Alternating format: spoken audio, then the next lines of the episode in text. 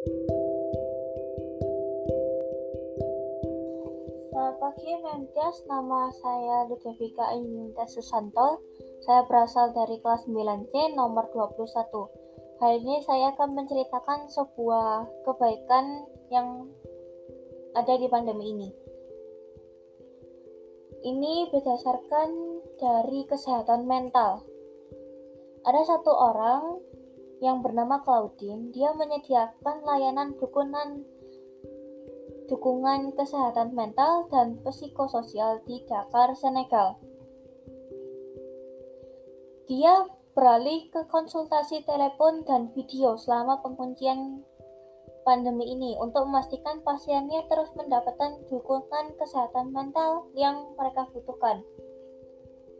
Dan yang paling uniknya, saya menemukan kata-kata yang begitu inspirasi buat saya yaitu apa pun situasinya selalu ada cara untuk menjadi kreatif dan inovatif. Meskipun tidak sama dengan berada di lapangan dan melihat pasien secara langsung. Sekian dari saya terima kasih